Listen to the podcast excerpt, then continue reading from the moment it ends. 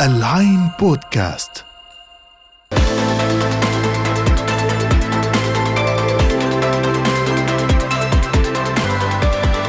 أهلا وسهلا فيكم في حلقة جديدة من بودكاست تكنولوجيا بصمتك. معكم إياد شعشاعه وإبراهيم ملص. أهلا وسهلا إبراهيم. يا هلا شو والله؟ والله تمام. شو الأخبار؟ طبعا. نحن حنبدأ السنة الجديده بطموحات وأهداف جديدة. وبالإمارات هيدي السنة هي سنة كوب 28 أيوه. طبعا شفنا اهتمام العالم قاعد بتزايد في السنوات الأخيرة آه. في كل إشي له علاقة بالمناخ و- والسنة هاي تحديدا لقمة المناخ في التحضيرات قاعدة بتصير على قدم وساق في كل أنحاء الإمارات يعني مم. من هلأ ولحتى يوم نهاية القمة لنهاية العام فعلا وهذا لأنه قضية المناخ بالنسبة للإمارات هي قضية محورية في رؤيتها للمستقبل في 2030 وجزء. من خطتها للتنمية المستدامة ولكن إبراهيم إحنا ليش قاعدين اليوم نحكي عن المناخ أو أو شو دخل هذا بحلقتنا لليوم؟ لأنه طبعا التكنولوجيا بتفوت بكل ال- المجالات ونحن. رح ناخذ الجانب التقني من هيدي السنة اللي هي محور كلياتها حول المناخ. 100% ولهيك يا ايا بدنا. نكمل نحن نقول لك إنه بسنة 2023 هو عام البيئه بامتياز في دولة الإمارات وراح نشوف فيه عشرات الفعاليات على مدار السنة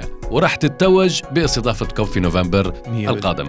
ومن ضمن البشائر هيدي الأيام نحن رح نشوف أجواء نسخه ال 15 من أسبوع أبو ظبي للاستدامه صحيح. واللي هي رح تصير بين فترة 14 و 19 آه، يناير, يناير، يعني هل مزبوط. هل- للأسبوع. و- ولعلمك من ضمن الفعاليات هالأسبوع هذا آه. حيكون في تسليط الضوء على أبرز الحلول التكنولوجية اللي بتراعي العامل البيئي في تصميمها وفي أغراضها أيوة. يعني بتخدمك أنت كمستهلك وكمان بنفس الوقت بتخدم البيئة الموضوع تكنولوجي ولكن بيخدم البيئة وهيدا الهدف الأساسي من الأسبوع وهو حشد الدعم الدولي للتنمية المستدامة وتطبيق الحلول الخضراء بكل المسارات الحياة. وطبعا أكيد بنوعدكم نرجع لكم بحلقات تانية لنحكي عن أبرز الاختراعات والحلول اللي راح نشوفها هالسنة.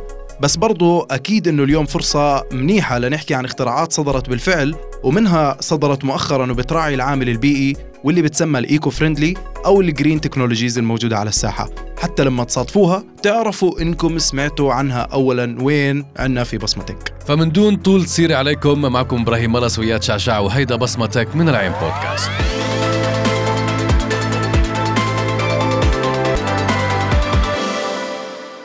كل سنة بنسمع عن اختراعات وتقنيات بيئية جديدة ومرات بنسمع عن أشياء جدا غريبة مثل ما رح نشوف اليوم. والحلو يا اياد إنه في منها صار له فعليا شعبية واهتمام متزايد من الناس وعم يلقى دعم وتمويل من حكومات أو جهات خاصة. وأيضا تسهيل لإنتاج هالتقنيات والدعم القائمين عليها من الشركات أو حتى start up صحيح. إياد هيدا قاعد عم بخلي المخترعين عندهم دافع مستمر إنهم يدوروا على حلول مستدامة creative أكثر طيب انت هيك كتير حمسنا لندخل دغري بحلقتنا ونبدأ بأول اختراع معنا لليوم وهو ال drum rolls أدوات السفرة. بالضبط مثل ما سمعتوا. هلأ يعني بتفكر أكثر من مرة قبل ما تكب أنت الشوكة والسكينة لأنه حتى هول اتطوروا وأصبحوا صالحين للأكل. صحيح وصاحب هالاختراع هو الباحث الهندي ناريانا بيسباتي. واللي قدر يصنع هيك أدوات من مادة عبارة عن خليط من الدقيق والرز أوف عن جد غريب يا إياد شو. رح يصير لها هيدي لو فاتت بالشوربة بتطرى بتدوب يعني خبرنا شوف هلا هي أنت معك مدة ربع ساعة تاكل آه. وبعدها بتبلش تطرى شوي فعلا زي ما قلت و... وإذا صار هيك يا أخي اسلخها كلها وهات لك معلقة تانية بدالها وبرضه كلها؟ فكرة حلوة يا اياد طب تاني اختراع معنا اليوم هو ال straw شفاط مصاصة على حسب أنتم شو بتحكوها كل واحد وله. تخيل انه بتقدر تشكها على حي الله مي غير صالحة للشرب وبتصير صالحة للشرب. يعني لو. بتحطها بالبحر أو لو بتحطها بمياه أمطار آه، دغري بصير بتشرب منها.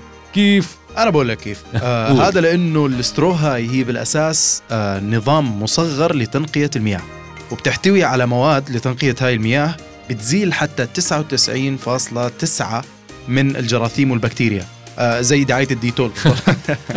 وصاحب هالاختراع. آه. وصاحب الاختراع إبراهيم هي شركة LifeStraw اطلعوا عليها مستمعينا و- وابحثوا عنها. أكيد ممكن تفيدكم خصوصا لو أنتم من محبين السفاري والمغامرات. أنت متخيل هذا الاختراع كم رح يقدر يساعد بأماكن غير صالحة للشرب؟ نحن عم نحكي عن أفريقيا بالضبط. هذا اختراع جذري والله. ممكن فعلا يكون ثورة في عالم المياه. exactly ثالث اختراع معنا وهيدا أنا صراحة توقفت عنه شوي. مم. هو برج لإزالة الدخان من الهواء The Smog Free Tower تقريبا أشبه بالمكنسة الكهربائية ال vacuum ال cleaner إيه بس للهواء. صح وأنا برضو صراحة استغربته لأنه هذا البرج بينبنى في منطقة سكنية مثلا آه. وبيقدر ينظف لغاية 30 ألف متر مكعب من الهواء بالساعة. زي الفلتر بالضبط. wow. واخترعه بروفيسور هولندي اسمه دان روزغارد. ومن ساعة ظهوره كتير من الدول إبراهيم تهافتت عليه مثل الصين. وكوريا الجنوبية. وقريبا جدا إبراهيم رح نشوفه في كتير من الدول اللي بتعاني من تلوث الهواء.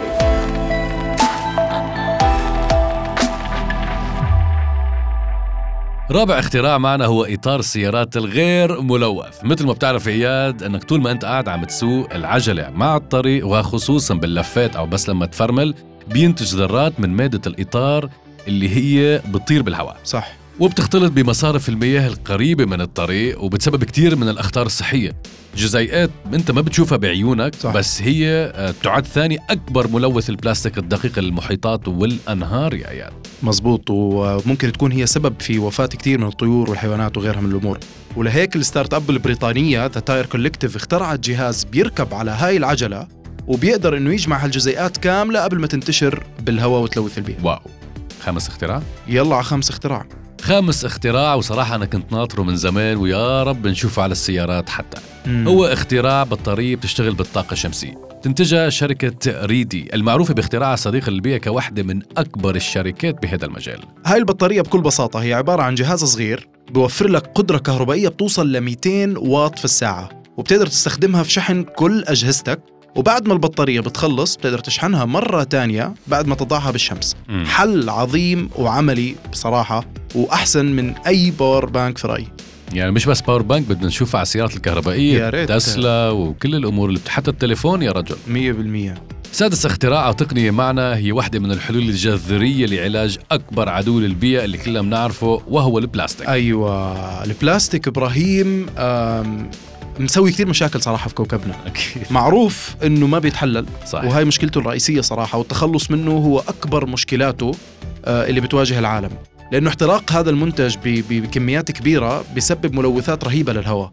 فلهيك بصير المسار الطبيعي له إنه بيتم إلقائه في المحيطات أو بيندفن مم. في الصحاري. صحيح. وطبعا هذا الشيء بيأذي الحياة البحرية والبيئة بشكل عام. ولهيك شركة Newlight اخترعت AirCarbon وهو عبارة عن طريقة لصنع البلاستيك ولكن من مواد قابلة للتحلل biodegradable معنى آخر عشان نبسط المعلومة مم. هي بتستبدل البلاستيك الصناعي اللي بنعرفه إحنا بالبلاستيك طبيعي تقدر تمتصه الأرض وتتغذى عليه الكائنات الدقيقة. مهم كتير عن جد والله يا اياد وخليني اخذكم على سابع اختراع معنا وهو اسمه Kiwibot. هو عبارة عن روبوت صغير بيوصل لك طلبات الأكل لحد بيتك يا اياد وحتى ما تتساءلوا آه، آه، كيف هذا الشيء بيفيد البيئة خليني أخبركم أنه خدمات توصيل الطعام التقليدية بتولد إبراهيم حوالي 6 مليون طن من أوف. انبعاثات الغازات الدفيئة سنويا.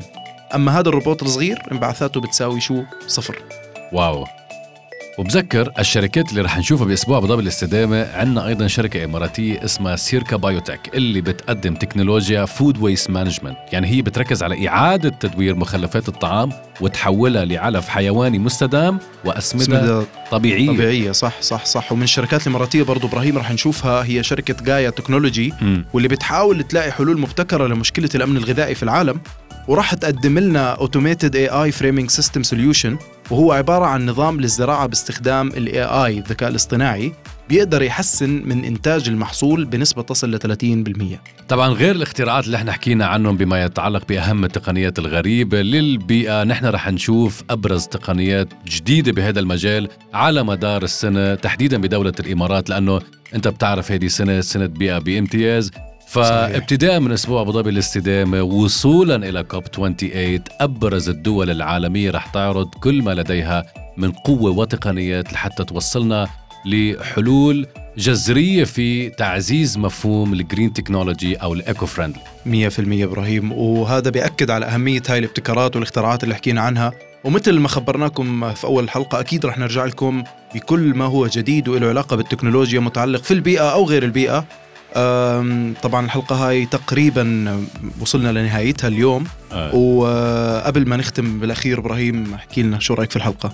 طبعا أنا كثير استمتعت بهذه الحلقة لأني أنا ما كثير ملم بما يتعلق بمجال البيئه قدك يا إياد لأنه أنت عندك برنامج كامل متخصص بهذا الموضوع اسمه 2050 الكوكب 2050 والله يا أياد البرنامج أكثر من رائع فيه إبهار بصري جرافيكس يعني كتير متقدمة حتى المضمون وتبسيط. أنا أهم شيء كان عندي في كيفية التبسيط المعلومة اللي الناس ممكن تشوفها معقدة حتى لأنه الناس ما كتير متخصصة أو بت- بتحسها بتميل للعالم البيئي. انت بهذا البرنامج عرفت كيف تستقطب فئة كتير كبيرة ما كانت بتلم بهذا الموضوع. فأنا بصراحة بنصح الجميع إنه يحضروا مشان يعرف أكثر على مخاطر البيئة اللي نحن قاعدين عم نمارسها على الصعيد اليومي. فعلا. مش عارفين. واللي حاب يشوف البرنامج يا جماعة الخير هو موجود على آه، الموقع الخاص بالعين الإخبارية وجميع مواقع التواصل الاجتماعي برضو الخاصة بالعين الإخبارية. لهون بنكون وصلنا لنهاية حلقتنا لليوم. thank you إبراهيم على شكراً لك. الكم كلمة الحلوة اللي قلتم تستحق. وبتمنى جد من الناس إنه. تشوفوا ما تنسوا يا جماعة الخير تعملوا download للحلقة أكيد. واعملوا review لو عجبكم الحكي اللي حكيناه. أكيد. وخبرونا في التعليقات شو رأيكم بآخر الاختراعات اللي حكيناها و- وشو أكثر اختراع ممكن تكونوا فضلتوه وشو أكثر اختراع بتظنوا إنه راح ينتشر أو مش راح ينتشر. وما تنسوا تسمعونا على صفحتنا الخاصة في موقع العين dot com slash podcast. وعلى مختلف المنصات Apple Podcast Spotify Google Deezer أنغامي و SoundCloud كان معكم إبراهيم مرص وأنا إياد شعشاعه كنا معكم في بودكاست بصمتك من العين بودكاست. سلام.